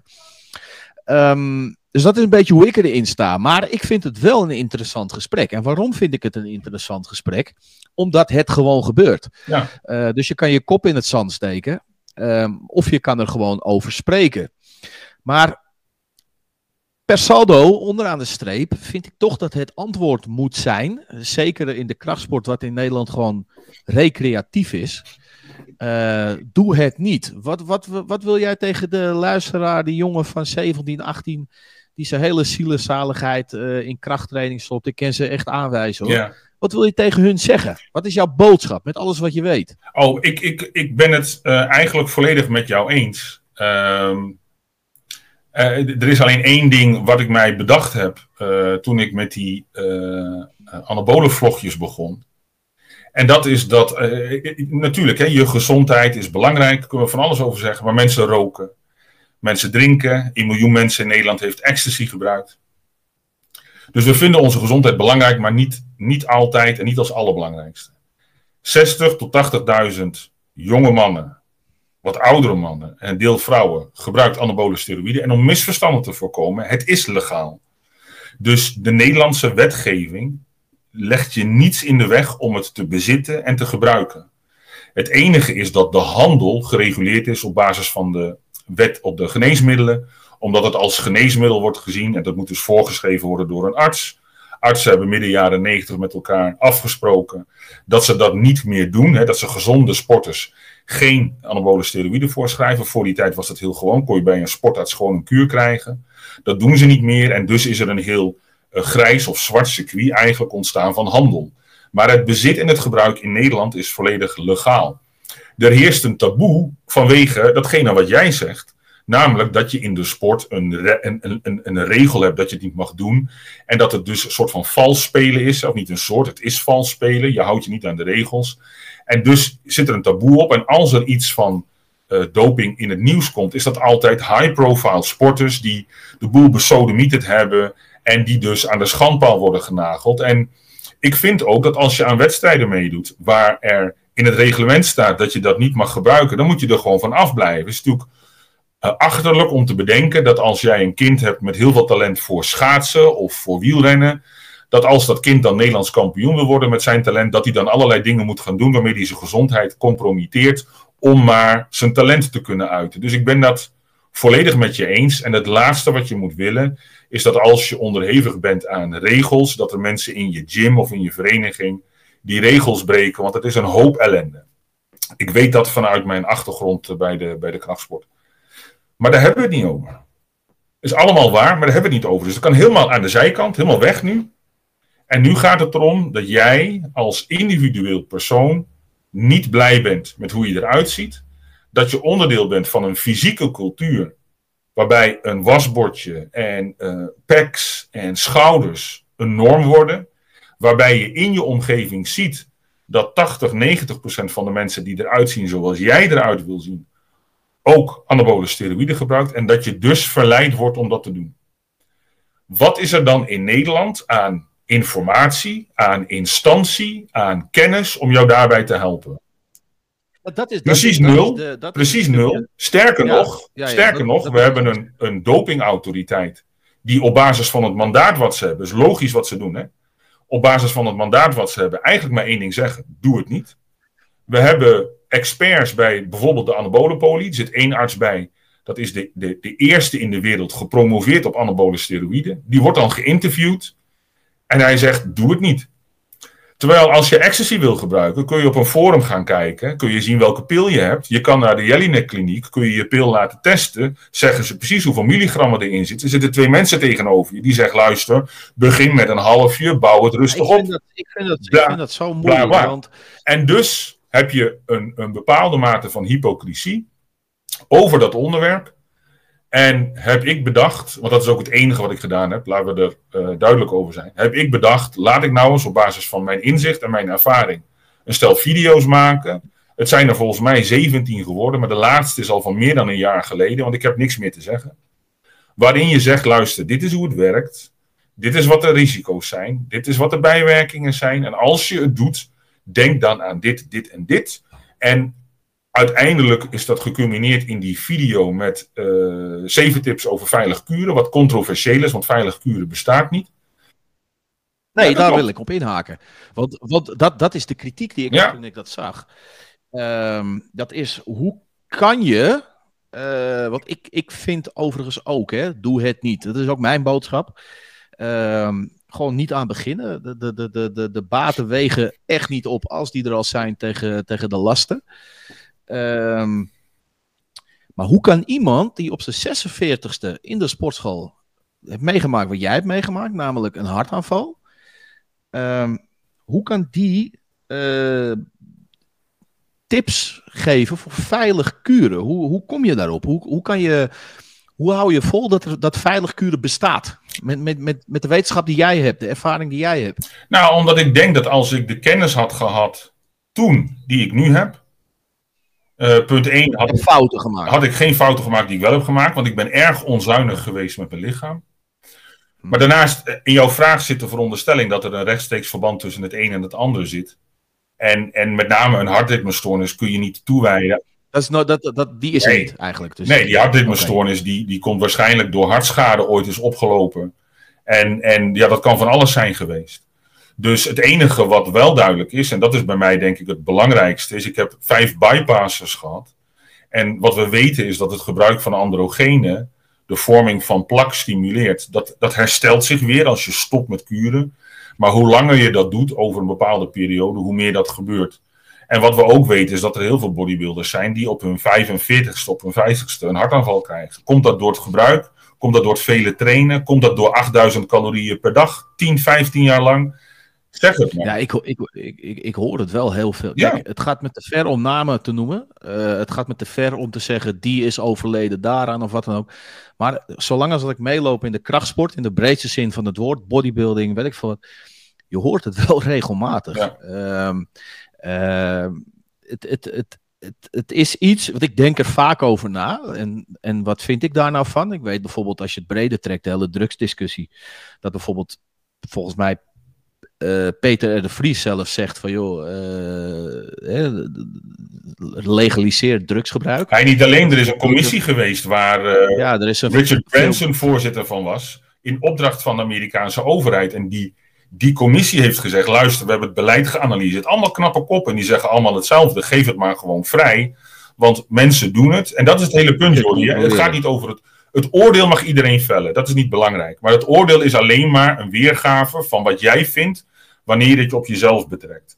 Dus wanneer je het op jezelf betrekt en je gaat nadenken over wat vind ik ervan, hoe zit het met mij, dan ga je een oordeel geven over wat een ander doet. Als je dat oordeel weglaat, dan is de constatering dat er 60 tot 80.000 mensen in Nederland zijn die toch de afweging maken om dat wel te doen. Net zo goed als er mensen zijn die roken, terwijl ze weten dat ze daar met een hoge waarschijnlijkheid last van gaan krijgen. En dan is de vraag, met, dat heb ik voor mezelf beantwoord, met de ervaring en de kennis die ik heb, kan ik iets bijdragen aan het. Ehm, het, het, de beeldvorming over dat hele verhaal. Ja, ik snap, ik snap je afweging. Dus eigenlijk ik vond het hypocriet om niks te zeggen. En, en ik, ik, ik wil dus belangrijk om te zeggen, juist in die periode waren er allemaal Amerikaanse profs, prof bodybuilders, die er openlijk over gingen praten. En in Amerika is het verboden. Hè? In Amerika is het wettelijk verboden. Het wordt gedoogd omdat het gewoon, het is te veel. Maar die begonnen er openlijk over te praten. En in Nederland is het allemaal hush, hush, hush, hush, hush. En toen dacht ik, ik vind het, ik vind het hypocriet. En zeker met mijn kennis en mijn ervaring zou ik iets kunnen doen om in de beeldvorming en in de kennis erover wat bij te dragen. En of dat dan positief uitpakt of niet, dat is afhankelijk van wat iemand met die kennis en die informatie doet. Maar ik heb daar een conservatieve lijn in gekozen op basis van wat ik heb geleerd zelf en op basis van wat ik weet. En nogmaals, ik heb dat in een aantal video's gezet. En op een gegeven moment dacht ik: wat ga ik doen? Ga ik nou door? Ga ik clickbait, thumbnails, weet ik wat allemaal nog meer, dit onderwerp verder uitdiepen? En toen dacht ik: ja, maar ik heb eigenlijk gezegd wat ik wil zeggen. En ik vind die zeven tips voor veilig kuren, dat is een hele goede video. Want dat gaat in op een heleboel wetenschap. Ik bedoel, ik, ik lees dan ook gewoon uh, 20, 30 studies. Waarbij bijvoorbeeld is gekeken naar het effect van dingen bij mannen in het kader van ziektebestrijding, in het kader van anticonceptie, wat allemaal onderzocht is. En daar zeg ik dan iets over. En het is gewoon raar, want dat is eigenlijk het hele verhaal. Het is raar dat ik dat moet doen. Want we hebben specialisten op dat vlak, we hebben artsen op dat vlak. We hebben voor, voor alle vormen van drugs hebben we expertisecentra, hebben we mogelijkheden om je spullen te testen, om met iemand te overleggen. En als het om anabolen gaat, is het en, en dat is de hypocrisie die ik zag. En toen dacht ik, oké, laat mij wat over jij, jij, jij, jij, jij, deed daar een standpunt over in. En je zegt van, joh, ik heb er zoveel ervaring in. Uh, hè, en ook, ook kennis daarover. Uh, dat je jezelf eigenlijk als, als kennisbronnen buitenuit daarover hebt gepresenteerd.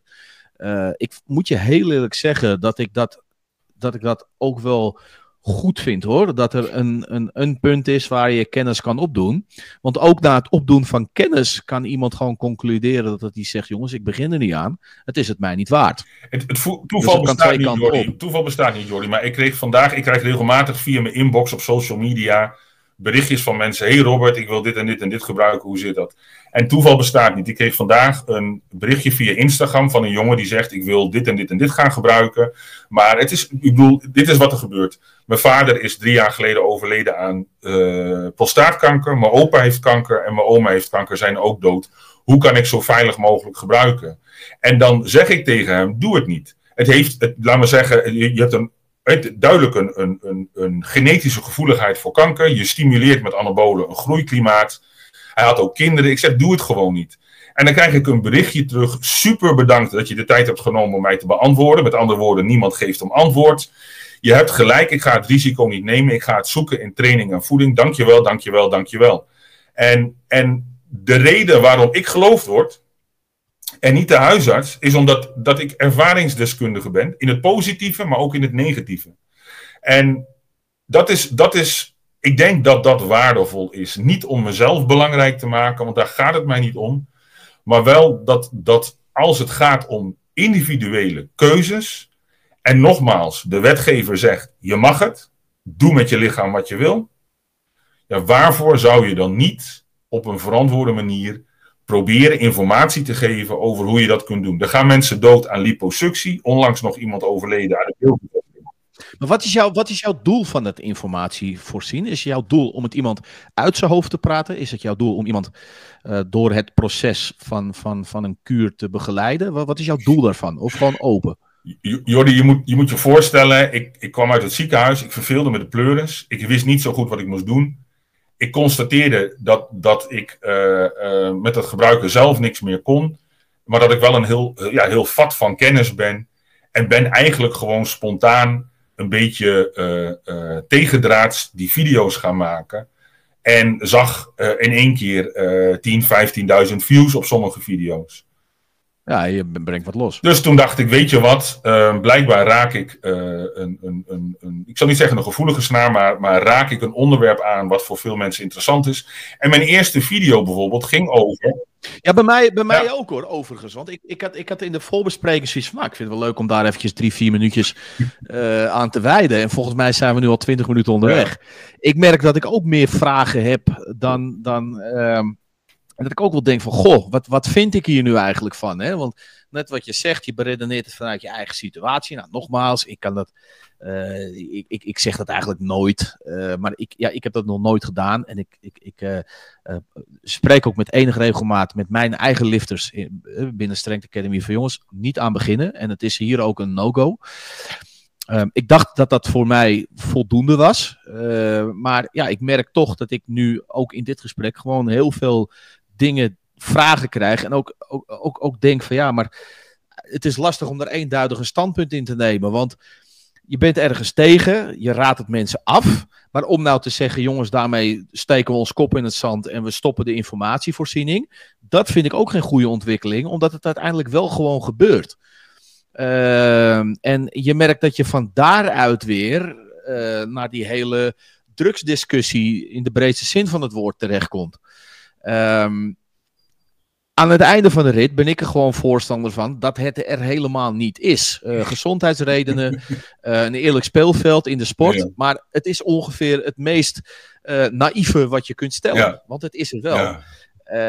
Um, ik, ik, uh, ik, ik, ik, ik vind het ook lastig om daar een, uh, een, standpunt in te nemen. Maar jou. Maar dat hoeft ook helemaal niet, hè? Maar dat is het punt, hè? Wij zijn gewend altijd om een standpunt in te nemen, om een mening te hebben. En dan moet er ook gediscussieerd worden op een manier, dat doen wij niet, maar gediscussieerd worden op een manier om proberen de ander te overtuigen van een standpunt. Terwijl je eigenlijk, wat je aangeeft, is gewoon precies hoe het gaat. Het is hele lastige materie. Maar de realiteit is, en dat is voor mij de realiteit, de realiteit is dat er een grote groep is die gebruikt. In mijn wereld, waar ik in de sportschool was, was het gewoon een gespreksonderwerp en deelden we de informatie met elkaar. En um, vanuit die uh, achtergrond heb ik er nooit moeilijk over gedaan. Dus als ik op een feestje was en iemand vroeg mij wat, dan zei ik ja hoor, ik gebruik gewoon en doe dit en dit en dit. En dan stonden ze me zo aan te kijken. Je bent er wel eerlijk op. En ik zeg, maar waarom niet? Want het mag gewoon in Nederland. Het is niet verboden. En uh, dus ik ben er altijd transparant over geweest naar mensen die er naar vroegen. En wat ik zei, op een gegeven moment dacht ik, wat doe ik nou met al die kennis die ik heb? Laat ik er video's over maken. En bijvoorbeeld die eerste video, die gaat er met name om dat voordat je gaat kuren, dat je eerst bloedonderzoek doet. Dus ik heb daar uh, dingen in verwerkt die je gaan helpen om uiteindelijk die gezondheid een beetje te monitoren.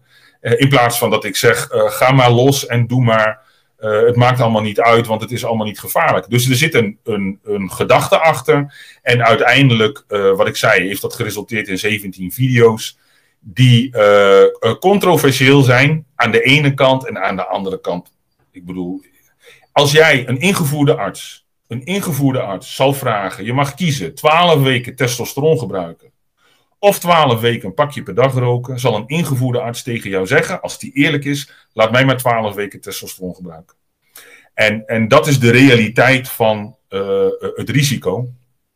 Alleen wanneer je andere dingen gaat gebruiken, wanneer je langer gaat gebruiken, wanneer je het lichaam niet laat herstellen, dan stapelen zich die dingen op.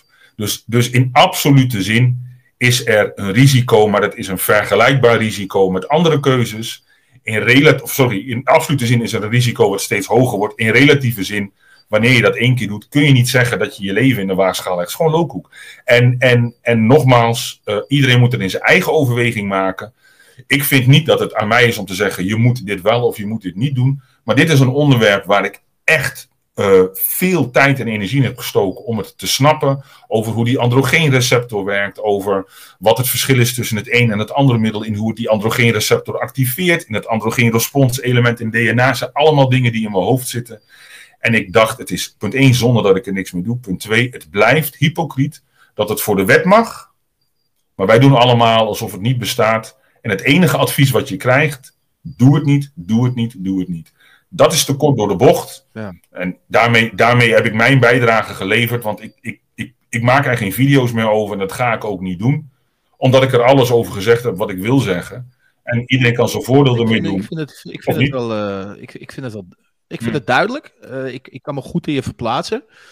Ehm, ja, het, het, het, eh, ja, nee, ik, ik kan me goed in, jou, eh, in jouw situatie verplaatsen. Mijn, mijn advies is wel, doe het niet. Nee, natuurlijk, maar dat is ook belangrijk. Eh, je bent een man van aanzien in de sport. En eh, dus het is heel belangrijk dat je voor jezelf vanuit jouw positie daar ook gewoon een standpunt in neemt. Want je praat over iets anders als waar ik het over heb. Ik, ik ben nooit een, een, Ja. een wedstrijdsporter geweest die onderhevig is aan regels. Dus, dus dat, wat jouw jouw wereld is anders als mijn wereld. Dus je hebt ook een ander vertrekpunt. En dat is logisch. Nou ja, goed man. Ik vind het, ik vind het knap. eh, en, ik kan me goed in je verplaatsen. Jij, jij hebt één bodybuildwedstrijd gedraaid. Ja. Eh, hoe, hoe is dat geweest? Ja, dat was fantastisch. Ja? Ja, ja kijk, ik, ik woog 142 kilo toen ik eh 40 was. En op mijn 44ste, denk ik, weet niet hoe zwaar ik was, ik heb me niet meer gewogen voor die wedstrijd. Maar ik zat onder de 6% lichaamsvet en er zijn wat foto's van die wedstrijd. Dus ik ben van een dikzak naar een, een, een, een bodybuilder geweest. En ik zag er gewoon goed uit. Ik had een goede shape. Ik heb mijn dieet zelf gedaan en, en die hele voorbereiding zelf gedaan. En het was een, een, een, een complete mindfuck. Eh, eh, het meest bizarre wat ik ooit gedaan heb, zo'n zo'n voorbereiding. Is Het is belachelijk. Zwaar? En ehm, Ja. eh, echt belachelijk. En, ehm, maar wel een fantastische ervaring om, nadat ik als 12-jarig jongetje geïnspireerd werd om te trainen, toch op mijn 44ste in een heel klein paars slipje eh, ingeolied op een podium stond. Ehm, en toch mijn, mijn, mijn bucketlist droom. Ik wil nog een keer een bodybuilding Ja. wedstrijd doen. Ik wilde het woord Ja. niet gebruiken. Je gebruikt Ja, zelf. om, maar dat, om dat te realiseren. En ik stond ook echt, toen ik eenmaal op moest, ik stond letterlijk met die knieën zo. En toen dacht ik, Robert, stop met zenuwachtig zijn, geniet van het moment. Eh, want anders, anders sta je daar op het podium te knikkeren. Dus ik, ik ben, laat maar zeggen, eh, even tot mezelf gekomen en gedacht, oké, dit is jouw moment. En dat was voor mij echt een full circle moment. En eh, ik merkte ook dat, want ik zou daarna weer een wedstrijd doen, dat de spanning er eigenlijk af was. En dat ik het niet meer op kon brengen om zo streng in dat dieet te blijven zitten. Dus ik had nog wel de intentie om het jaar daarop. Maar je hebt hem wel, je hebt hem wel staan. ik heb hem staan op mijn CV. ik heb ook een bekertje gekregen. Hoeveel ben je Tweede. geworden? Ja. Ja. Zo, van, van de... Nou ja, goed, dat doet Ik weet niet hoeveel er in mijn klasse zaten. Ik heb niet op die andere mensen gelet. Maar ehm, het- was Masters, maar het was een, een, een- tweede plek. En eh, laat me zeggen, genoeg om te, om te zeggen, ik was tweede. Ehm, Ja. In plaats van dat je zegt, ik heb alleen meegedaan. Dus ik ben ook nog afgemeten tegen anderen en goed genoeg bevonden voor een tweede plek. Dus nou ja, dat is wat het waard Ja, razend, razend knap. En eh, dat is 2016 geweest, april. Ehm, oktober 2016 kreeg je die hartaanval. Nou, daar ben je godzijdank eh goed uitgekomen. Ja. Ehm, daarna ben je je gaan zetten op eh, boeken schrijven. Ehm, je hebt een personal training onderneming. gehad. Je geeft mannen, je geeft Oh. mannenles. eh, in, Het is iets anders, Jordi. Het is, het is zo Vertel. dat ik... ik heb tot eh, december... Ja, mijn handschrift, mijn handschrift is niet te lezen hoor. Dus ik, ik probeer even, maar ik, ik kan het niet meer lezen. Nee, maar is niet. Ik, na die hartaanval eh, eh, was mijn fysiek weg. En Ja. ehm, ik, ben, ik ben een beetje gek, maar ik ben niet dom. Ehm, dus na die hartaanval dacht ik ook: oké, Robert, dit is, laat maar zeggen, jouw, jouw, jouw tweede kans op, op een nieuw hoofdstuk. En we gaan niet op de oude voet verder. Dus het was cold turkey, stoppen met alles. En ehm, ik, ik heb het ook niet meer aangeraakt. En, ehm, maar dat betekende wel dat je afscheid moet nemen van een groot stuk van je identiteit. Namelijk die, die grote sterke Oh. kerel die je in 23 jaar hebt opgebouwd. Ja. En ik viel om op het hoogtepunt. Hè. Het was niet dat het al een paar jaar minder was. Het was het hoogtepunt. Dus het heeft lang geduurd Ja. en het heeft ook allerlei fysieke consequenties als je cold turkey stopt. En zo'n, hey, maar je borstbeen wordt opengezaagd, je gaat aan de hartlongmachine. Fysiek gezien gebeurt er nog wel wat. En eh, dus het heeft lang geduurd voordat ik weer een beetje eh, op, op een punt kwam dat ik ehm, eh, het licht zag. Maar ook dat ik dacht, weet je, ehm, ik ik ben eigenlijk wel blij dat ik niet meer datgene hoef te doen wat allemaal nodig was om dat lichaam in stand te houden. En ehm, eh, ook aan de buitenkant verandert er natuurlijk een hoop. Dus je ziet ook dat mensen je anders gaan benaderen. Niemand kijkt meer. Um, maar daarentegen heb je wel weer vaker een diepgaand gesprek. Ik ben uh, veel meer uh, me gaan verdiepen in, in de, de, de, de, de, de spirituele kant van het leven. In de, laten we zeggen, hoe je ook, ook rust krijgt. Hoe je geluk kunt creëren zonder dat het afhankelijk is van allerlei omstandigheden. En uiteindelijk ben ik uh, ook zover gekomen dat ik van alle vijf medicijnen die ik had en nog maar eentje gebruik, dus alleen maar een klein beetje aspirine. Maar mijn hoge bloeddruk heb ik onder controle. Ik heb mijn cholesterol onder controle. Mijn testosteron is 22. Terwijl ik 23 jaar anabolen heb gebruikt. Nou, ik weet niet of je dat wat zegt, maar dat is het testosterongehalte van een jonge man.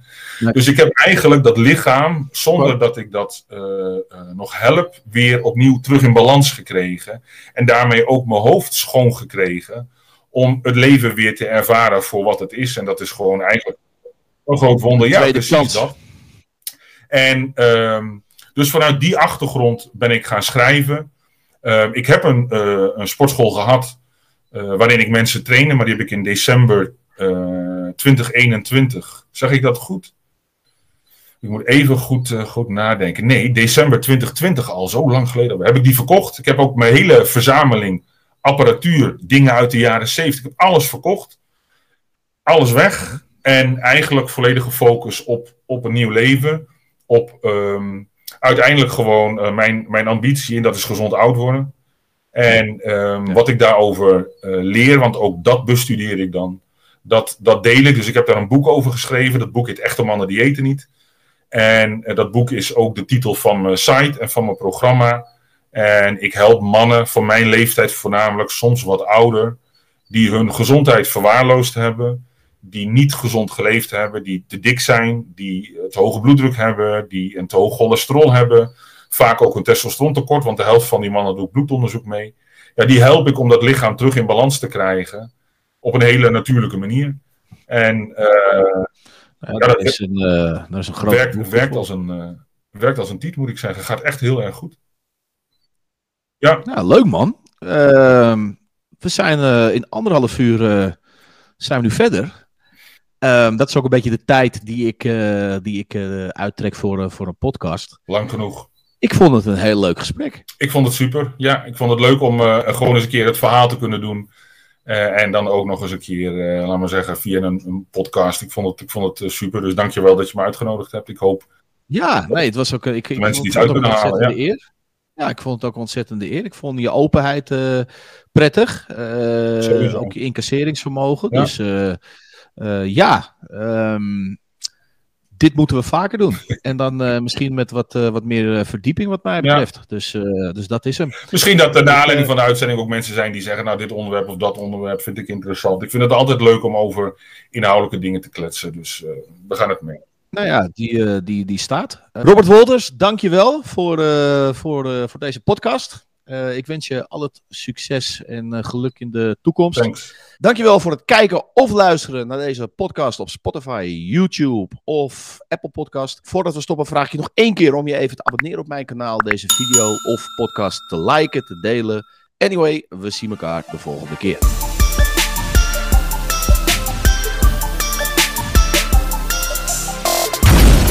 Wil jij sterker worden op squatten, bankdrukken en deadliften? www.strengthacademy.nl